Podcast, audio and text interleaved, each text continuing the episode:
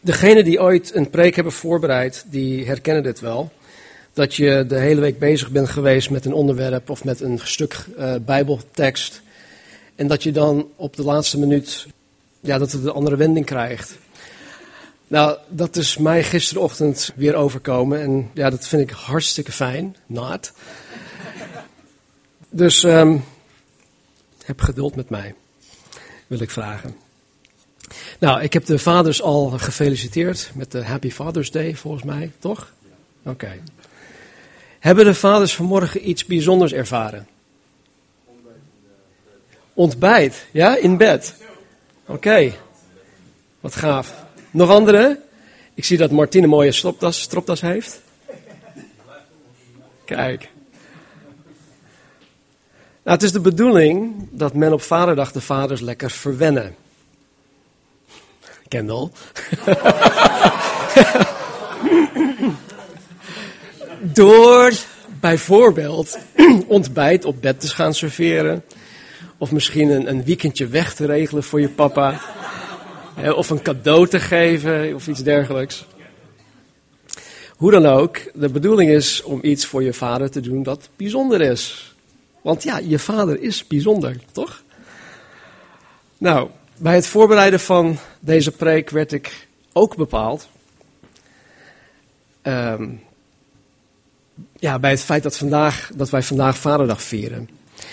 En alhoewel ik me daar niet door laat leiden, word ik af en toe, um, ja, ik wil niet zeggen verleid, maar misschien toch enigszins verleid, om een speciale gelegenheid zoals Vaderdag op een of andere manier in mijn preek te gaan verwerken.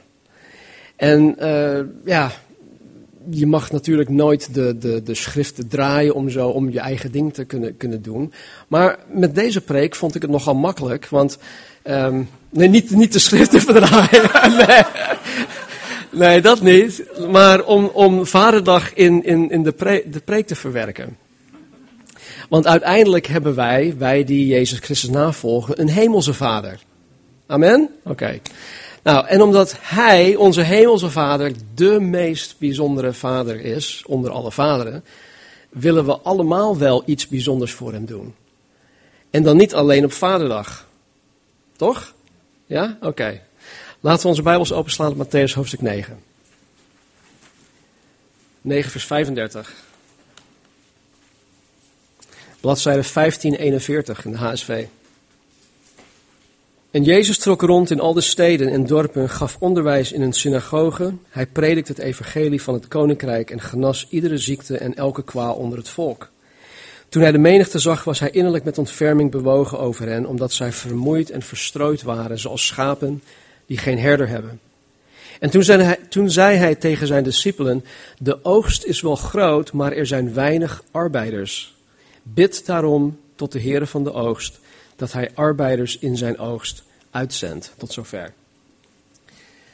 Zes zondagen geleden, dat is alweer een tijd geleden, waren we met dit gedeelte geëindigd. Maar de laatste twee versen van dit hoofdstuk had ik vluchtig gelezen, omdat ik wist, en dat zei ik volgens mij toen ook, dat ik erop terug zou komen. En vanmorgen pakken wij het dus op bij vers 37. En hij zegt in vers 37, de oogst is wel groot, maar er zijn, er zijn weinig arbeiders. Nou, los van wat Jezus hier zegt, als ik aan jullie vraag wat een oogst is, wat is het eerste waar je aan denkt? Sorry? Wij? Wijn. Oké, okay, wijnoogst, ja, oké. Eten. Oké. Wat nog meer? Voordeel dat je behaalt. Wat zei Stan? Boeren, oké. Oogst, nog meer? Vrucht? Voorspoed? Oké, goed. De oogst, waar men meestal aan denkt, is de opbrengst van wat men verbouwd heeft. Toch? Dus het is logisch om te denken dat de oogst iets is dat binnengehaald dient te worden. Ja? Zijn we het er allemaal mee eens? Oké. Nou, als de oogst iets is dat binnengehaald moet worden, en als de oogst inderdaad groot is zoals Jezus hier zegt, dan heb ik persoonlijk tot nu toe als christen behoorlijk gefaald. Ja. Want in de 23 jaar dat ik christen ben, heb ik zo weinig van deze grote oogst binnengehaald.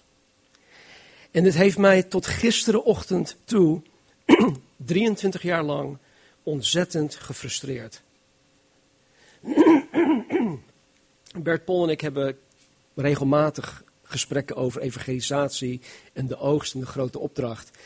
En elke keer als we hier, het hierover hebben, dan merk ik dat we allebei een, een, een mate van frustratie hebben.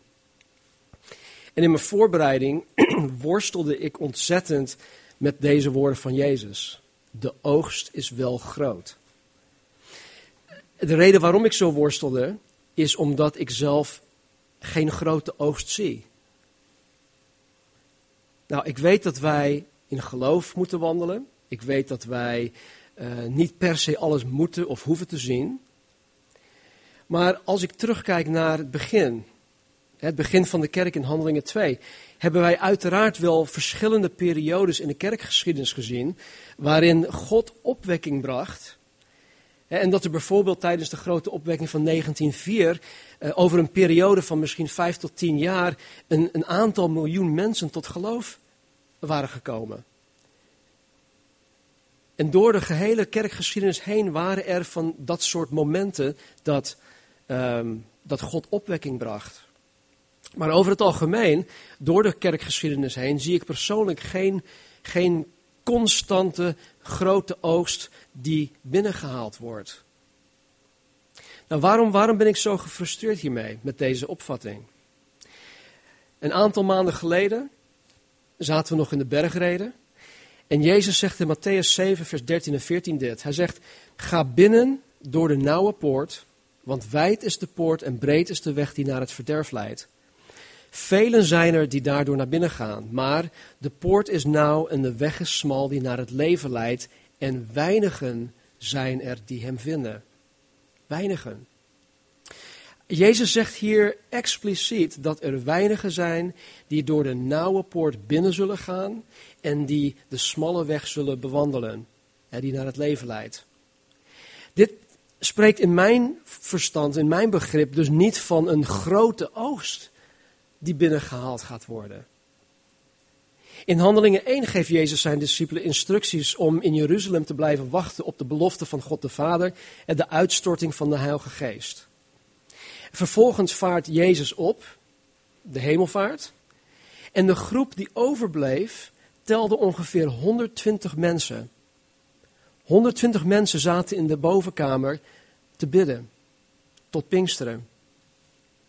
Jezus zelf heeft dus na zijn bediening hier op aarde, na zijn kruisiging, na de opstanding uit de dood, geen grote oogst binnengehaald.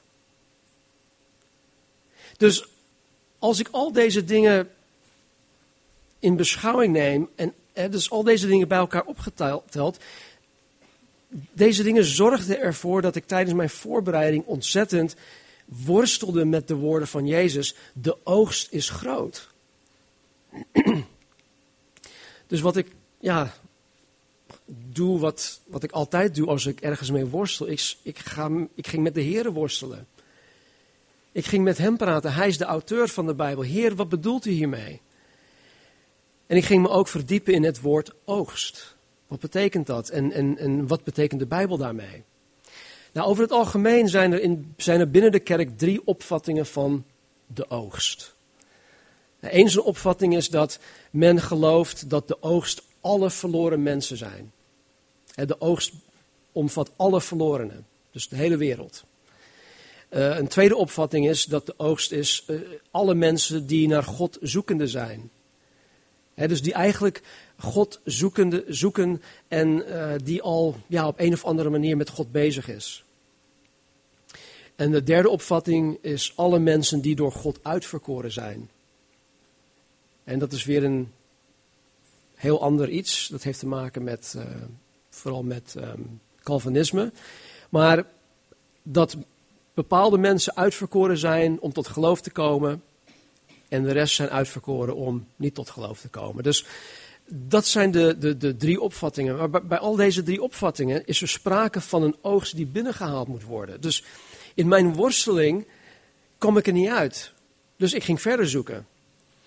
En in het Oude Testament, of in zowel het Oude Testament als het Nieuw Testament, spreekt de Bijbel op verschillende plekken over de oogst. Vooral in, in, in, uh, in het Oude Testament spreekt de Bijbel van een letterlijke oogst, van bijvoorbeeld graan hè, of, of wijn, hè, druiven en dat soort dingen. Maar de Bijbel spreekt ook over de oogst als de dag van Gods oordeel over de mensheid. In Jesaja 17, 10 en 11 zegt God dit door middel van de profeet Jesaja aan, aan het volk Israël. Hij zegt dit. Want u, dus Israël, bent de God van uw heil vergeten. Aan uw sterke rots hebt u niet gedacht. Daarom poot u wel lieflijke planten en zet uitheemse stekjes. Op de dag dat u ze plant, doet u ze opschieten. In de ochtend doet uw zaaisel in bloei staan. Maar de oogst zal slechts een hoopje zijn. Op de dag van ziekte en niet te bestrijden leed. God spreekt in dit gedeelte, en dat kan je zelf ook thuis lezen, Jesaja 17. Hij spreekt hier door middel van de profeet Jesaja over de oogst. Maar in dit geval is de oogst Gods oordeel over het volk Israël. Even verder in uh, Joel, Joel 3, vers 9 tot en met 14. Hier spreekt de profeet over de toekomst, over de grote dag des oordeels. De dag van de Here.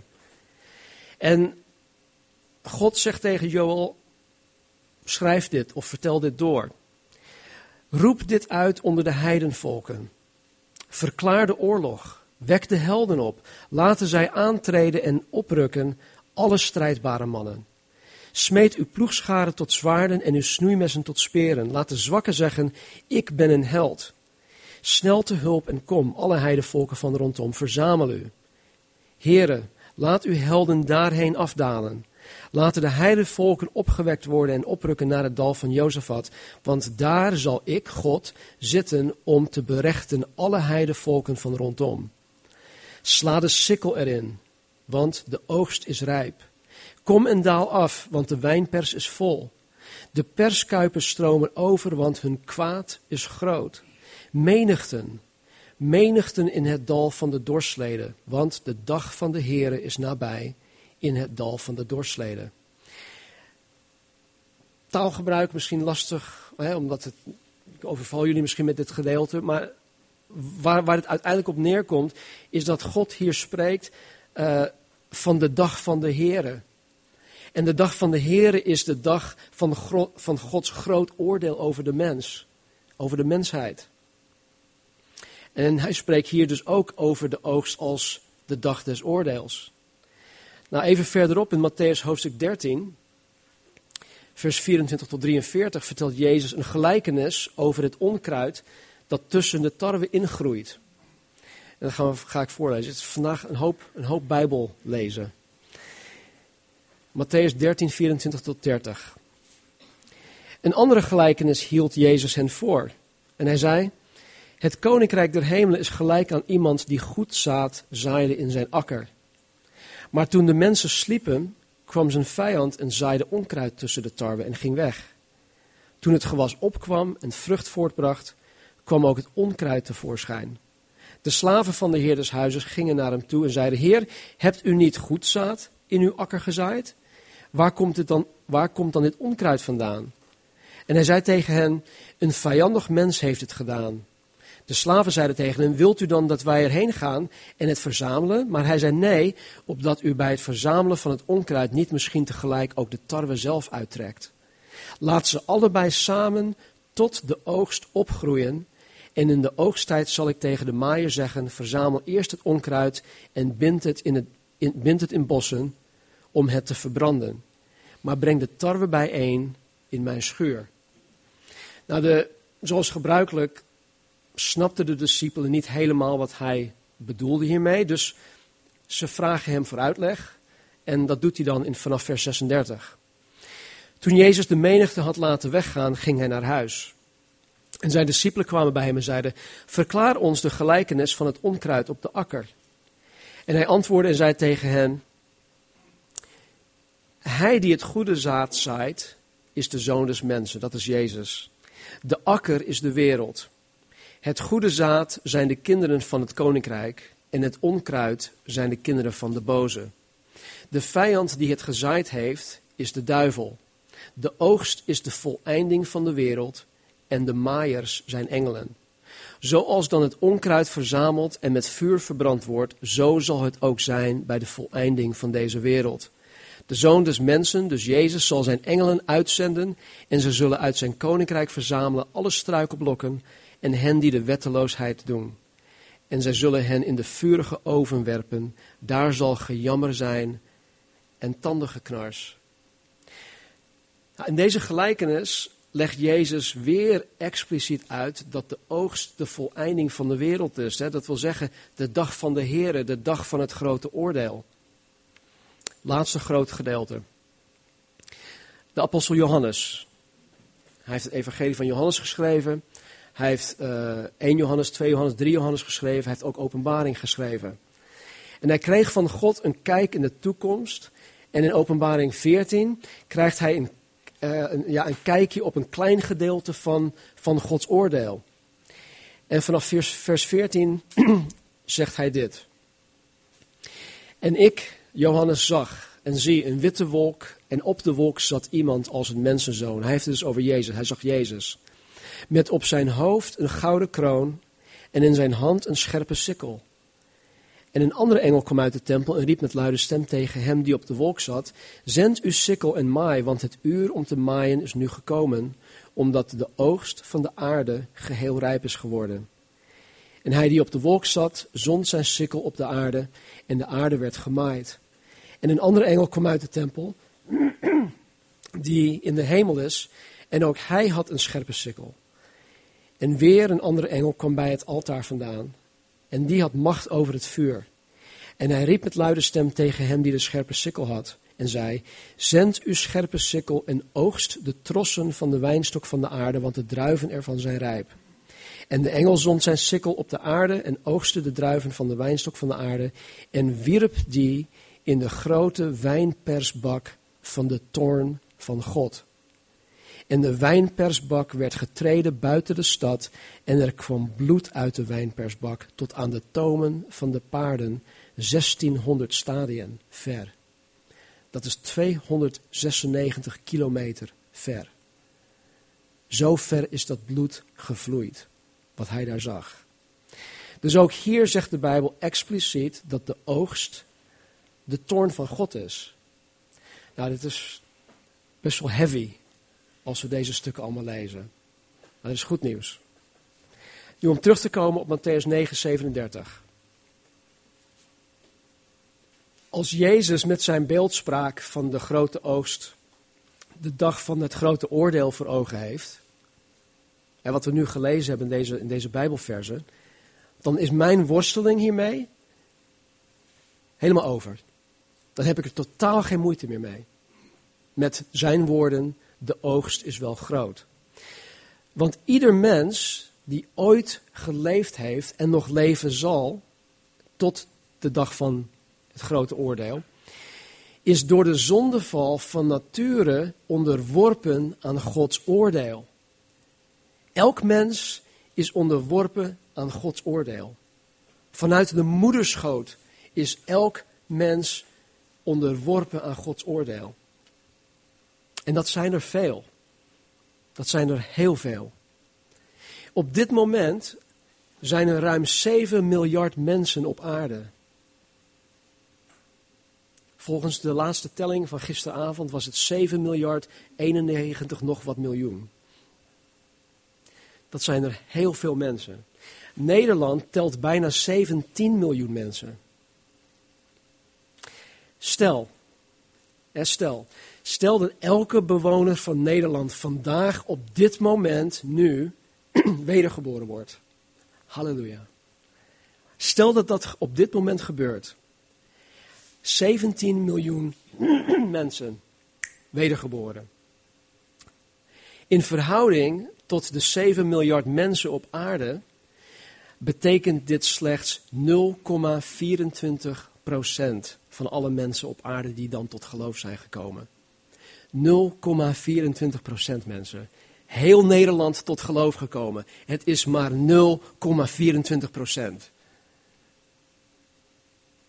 Hoeveel mensen kennen wij in onze omgeving die geloven op onze werkplaats of op school?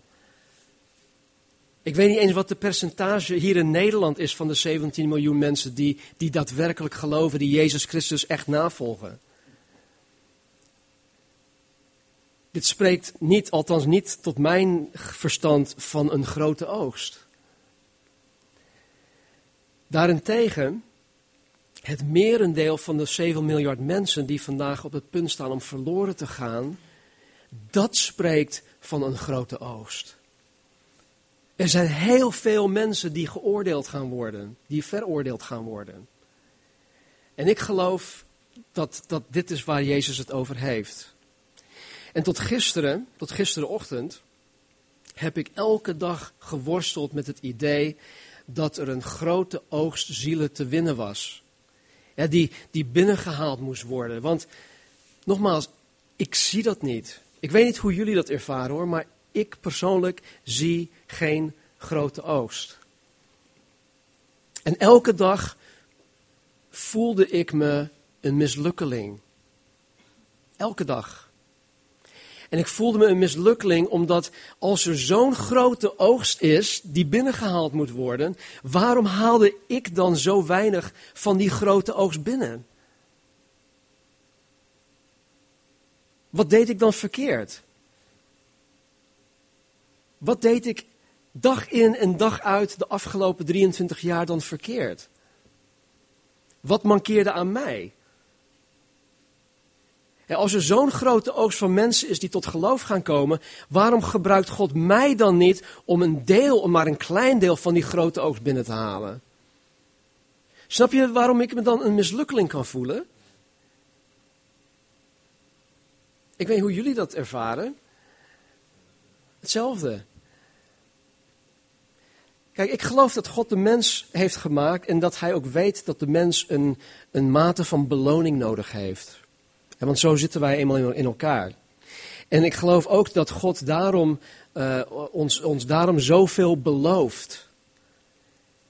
God belooft uh, zoveel aan zijn kinderen die zijn wil doen. maar als, als de oogst van mensen die gered gaan worden zo groot is, en als ik persoonlijk dan weinig mensen tot geloof zie komen, dan is er in mijn beleving weinig beloning voor al mijn inspanning om van Jezus een getuige te zijn. En nogmaals, wij zijn niet geroepen om, om, om te zien. Hè? Laat, laat wat even voorop stellen. Ik hoef niet per se alles te zien. Ik hoef niet per se mensen tot geloof te zien komen waarmee ik in een gesprek ben gegaan. Waarvoor ik al jarenlang bid. Het zou gaaf zijn als ik in mijn leven al de mensen waarvoor ik heb gebeden, al de mensen die ik heb, waartoe ik heb gesproken, dat ik hun tot geloof zie komen. Maar dat, dat hoeft niet per se. Maar als ik dan een grote oogst, of als er een grote oogst is, en ik zie maar zo weinig van die grote oogst dat binnengehaald wordt, dan leidt dat tot frustratie. Het leidt tot frustratie. En ik, kan, ik, ik wil niet geloven dat het Gods bedoeling is om mij te frustreren. Zo ken ik God niet. Ik ken God niet als iemand die met mij zit te, te spelen en, en, en mijn frustratie in me opwekt. Maar als de grote oogst, waar Jezus het over heeft, het grote oordeel van God is, dan is dat een heel ander verhaal dan worden de woorden van Jezus, de oogst is wel groot, ineens heel zinnig. Jezus zei in Lucas 19, vers 10 dat hij naar de aarde toe gekomen was om te zoeken en te redden wat verloren is. Met andere woorden, Jezus was gekomen om de mensheid op te zoeken, om de, om de mensheid te redden van de dag van het grote oordeel van God te redden van de grote oogst. Meteen nadat Jezus tegen zijn discipelen zegt dat de oogst groot is, hier in, in vers 37, En dan in, in hoofdstuk 10 zendt hij hen uit. Hij zendt de twaalf uit. En hij geeft hen de opdracht om naar de verloren schapen van Israël toe te gaan, om hen te redden van het oordeel van God. Matthäus hoofdstuk 10, vers 6. De oogst is wel groot, maar er zijn weinig arbeiders. Als ik dit nu lees, na gisterochtend, na die worsteling, en misschien zijn jullie er nog niet over uit hoor, of misschien zijn jullie er niet mee eens, maar goed, dat is jullie eigen worsteling. Als ik dit nu lees, dan snap ik dat de oogst inderdaad groot is. Dan zie ik ook dat de oogst groot is, want er zijn velen die uiteindelijk onderworpen worden aan Gods oordeel. En nu is mijn kijk op het delen van het evangelie heel anders. Ik, ik, ik, sinds gisterenochtend ben ik het heel anders gaan zien. Nu hoef ik niet per se direct resultaten te zien. Nu hoef ik me niet gefrustreerd te voelen wanneer ik geen tientallen of honderden mensen tot geloof zie komen. De wil is er natuurlijk wel om velen tot geloof te zien komen. Ik denk dat wij allemaal die wil wel hebben. En maar nu heb ik niet het gevoel dat er zo'n gigantische groot oogst mensen daar ergens daarbuiten is, die gered moet worden, maar dat ik er persoonlijk zo weinig aan bijdraag. Dat ik zo'n klein impact heb op die grote oogst die binnengehaald moet worden.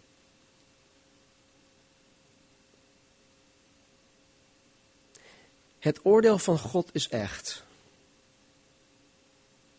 En het is op komst. En dat beweegt mij om zoveel mogelijk mensen te vertellen dat dat eraan zit te komen. Maar niet alleen hel en verdoemenis, maar juist dat God een uitweg mogelijk gemaakt heeft door Jezus Christus. Dat is het goede nieuws, dat is het evangelie.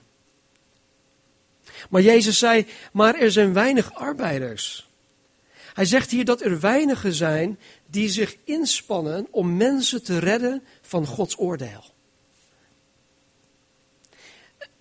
Het woord arbeiders, dat spreekt van mensen die zichzelf geven aan het werk dat gedaan moet worden.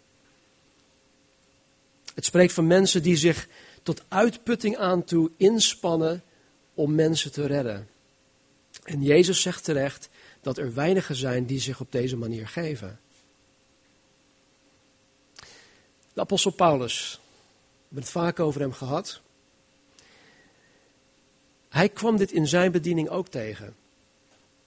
Tijdens zijn eerste zendingsreis, hè, toen was hij samen met Barnabas.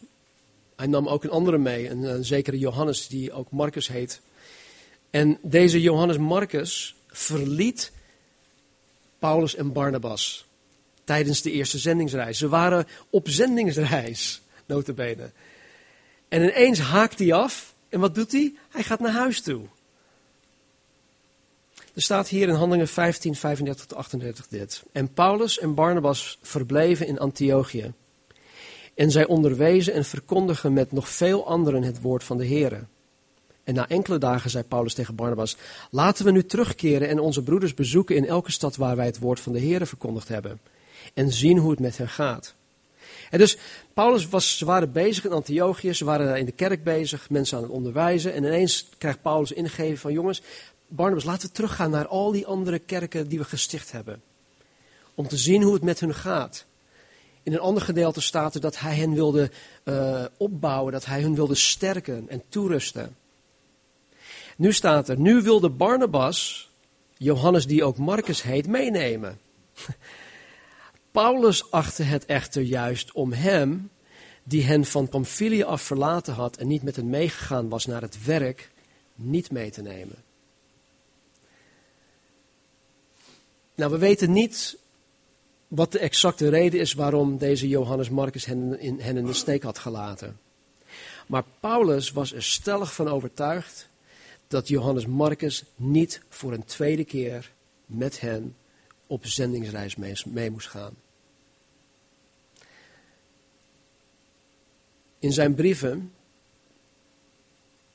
schrijft Paulus ook over verschillende broeders die afhaakten. die ook geen arbeiders in deze zin wilden zijn. Die haakte af. Die liet Paulus in de steek. Vers 38. Bid daarom tot de Heere van de oogst dat hij arbeiders in zijn oogst uitzendt. Ik vind het zo bijzonder dat uh, Jezus hier niet per se zegt om te bidden voor de verlorenen die onderworpen worden aan Gods oordeel. En nee, Jezus gebiedt zijn discipelen om tot de Heer van de oogst te bidden om arbeiders in zijn oogst uit te zenden. Nou, voor alle duidelijkheid, God wil natuurlijk wel dat wij voor de verlorenen blijven bidden. En dat staat ook heel duidelijk in 1 Timotheus 2. Uh, want God wil dat alle mensen gered worden. Hij wil dat uh, allen tot kennis van de waarheid komen. Maar in dit geval wil Jezus dat wij tot God aanhoudend blijven bidden, opdat God arbeiders in zijn oogst uitzendt. Want de arbeiders zijn er weinig. Als ik tot God bid dat Hij arbeiders uitzendt, dan bid ik heel specifiek. In mijn gebeden denk ik aan mensen die soms buiten mijn bereik zijn. Het zij uh, door uh, geen klik te hebben met iemand, of het zij uh, door geografie. Kan ook. De Atlantische Oceaan, nogal groot. Maar goed, ik bid soms voor, voor mensen die buiten mijn bereik zijn. En dan vraag ik God om, om een van zijn geestvervulde kinderen naar hen toe te sturen om hen te redden. Ik bid specifiek voor de redding van die persoon. En tegelijkertijd bid ik dat de Heer van de oogst, de rechter, iemand op hun pad zal brengen om hen te redden van zijn oordeel en van de eeuwige ondergang. En in sommige gevallen heb ik mogen ervaren dat God een arbeider naar iemand waarvoor ik gebeden heb, stuurde. De arbeider heeft op een of andere manier door de leiding van Gods Heilige Geest contact gekregen met degene waarvoor ik gebeden had. En die persoon is vervolgens tot geloof in Jezus Christus gekomen, waardoor hij of zij gered is van het oordeel. In andere gevallen heb ik mogen ervaren dat wanneer ik specifiek voor iemands redding bid, dat God door het gebed tot mijn hart begon te spreken. En dat God tegen mij zei dat ik de arbeider moest zijn die tot die persoon moest spreken. Hoe dan ook, God verhoort dit gebed. Als wij bidden dat God arbeiders stuurt, of de oogst instuurt of zendt, dan zal God dat gebed verhoren. God is mijn hemelse vader. Hij is onze hemelse vader. En volgens 2 Petrus 3:9 wil hij dat geen enkel mens verloren gaat. En hij wil dat allen tot bekering komen. En de manier die God gekozen heeft om mensen tot bekering te brengen, is door arbeiders de grote oogst in te zenden om mensen te redden. Dat is zijn manier. Waarom hij het zo wil hebben, weet ik niet, maar dat is zijn manier. Dus tot slot dit. Vandaag is het Vaderdag. Het is bedoeling om op Vaderdag je vader te verwennen om iets bijzonders voor hem te doen, om hem iets bijzonders te geven. En de vraag die ik zou willen stellen is, zou het voor God, onze hemelse Vader, geen fijne vaderdag zijn als elke wedergeboren christen hier vanmorgen zichzelf toewijdt om vanaf dit moment elke dag opnieuw tot de Heere van de oogst te bidden dat Hij arbeiders in zijn oogst uitzendt.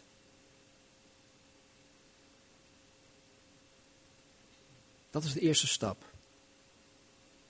Het zou geweldig zijn als jullie nu allemaal uit je stoel springen en zeggen: Ik wil een arbeider zijn. En als dat zo is, voel je vrij. Ja, oh, amen. Maar de eerste stap, denk ik, is wat Jezus hier ook aangeeft, is om te bidden. Vlak voor zijn hemelvaart zei hij, hij zond hen uit, de grote opdracht, einde van Matthäus. Ga de wereld in, predik het evangelie. Maar toen zei hij, wacht, wacht in Jeruzalem op de belofte van de Vader. En tien dagen lang kwamen ze bijeen om te bidden. En ineens op Pinksteren kwam de uitstorting van de Heilige Geest.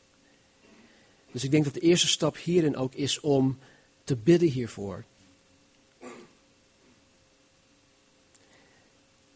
Ik weet niet of het jullie ooit is opgevallen, maar de gebedslijst die wij al jarenlang hebben, die van tijd tot tijd wijzigt, qua namen en zo, die, um, er staat iets op de achterkant. Het is dubbelzijdig. Aan de voorkant staan de namen, ik zal het voorlezen. En er staat ook mijn gebedslijst. Ja, zet je je naam neer van mijn gebedslijst. Bid voor de noden die bekend zijn en voor onder andere ieders geestelijke groei, bekering, kennis van Jezus Christus en het Woord. Hoe de grote opdracht te vervullen, vervuld te zijn met de Heilige Geest en voor ongelovigen die men kent. Nou, dan heb je de namen. En op de achterkant staat over de gebedspunten. En de eerste, of het eerste punt dat hier staat is dit. Lucas 10, vers 2. Hij zei dan tegen hen, de oogst is wel groot, maar er zijn weinig arbeiders. Bid daarom tot de Heer van de oogst, dat hij arbeiders in zijn oogst uitzendt. Bid voor meer mensen die zich beschikbaar willen stellen om de Heer en zijn gemeente te willen dienen. En dat wij Gods hart krijgen voor de verlorenen. Dit staat er al vanaf het begin. Vanaf het begin dat ik de, de, de, eh, deze gebedslijst heb, heb, heb gemaakt, staat dat hierop. Dus het is niet iets nieuws. Maar ik denk dat het goed is om het onder de aandacht te brengen. En dat wij dat vandaag ook doen. Laten we bidden. Vader, dank u wel. Dank u wel voor uw woord. Dank u wel, Heer, dat u ons leidt. Dank u wel, Heer, dat u door uw geest ons verstand verlicht. Heer, zodat we uw woord kunnen snappen. Zodat we uw woord kunnen begrijpen. En Heer, waar u vanmorgen tot ons gesproken hebt, Heer, help ons om uw woord toe te passen. Help ons om onszelf vanmorgen, Heer, in eerste instantie toe te wijden. Heer, om onszelf te geven aan gebed. Heer, om te bidden dat u, Vader, arbeiders de oogst in, in zal sturen. En Heer, misschien zijn sommigen van ons al een stapje verder. En Heer, we zijn er klaar voor om te zeggen, Heer, zend mij. Dus vader, we, staan nu hier, we zitten nu hier, Heer, voor uw troon, voor uw aangezicht. En we willen vanmorgen, Heer, gewoon opnieuw een commitment geven, Heer, dat wij ten eerste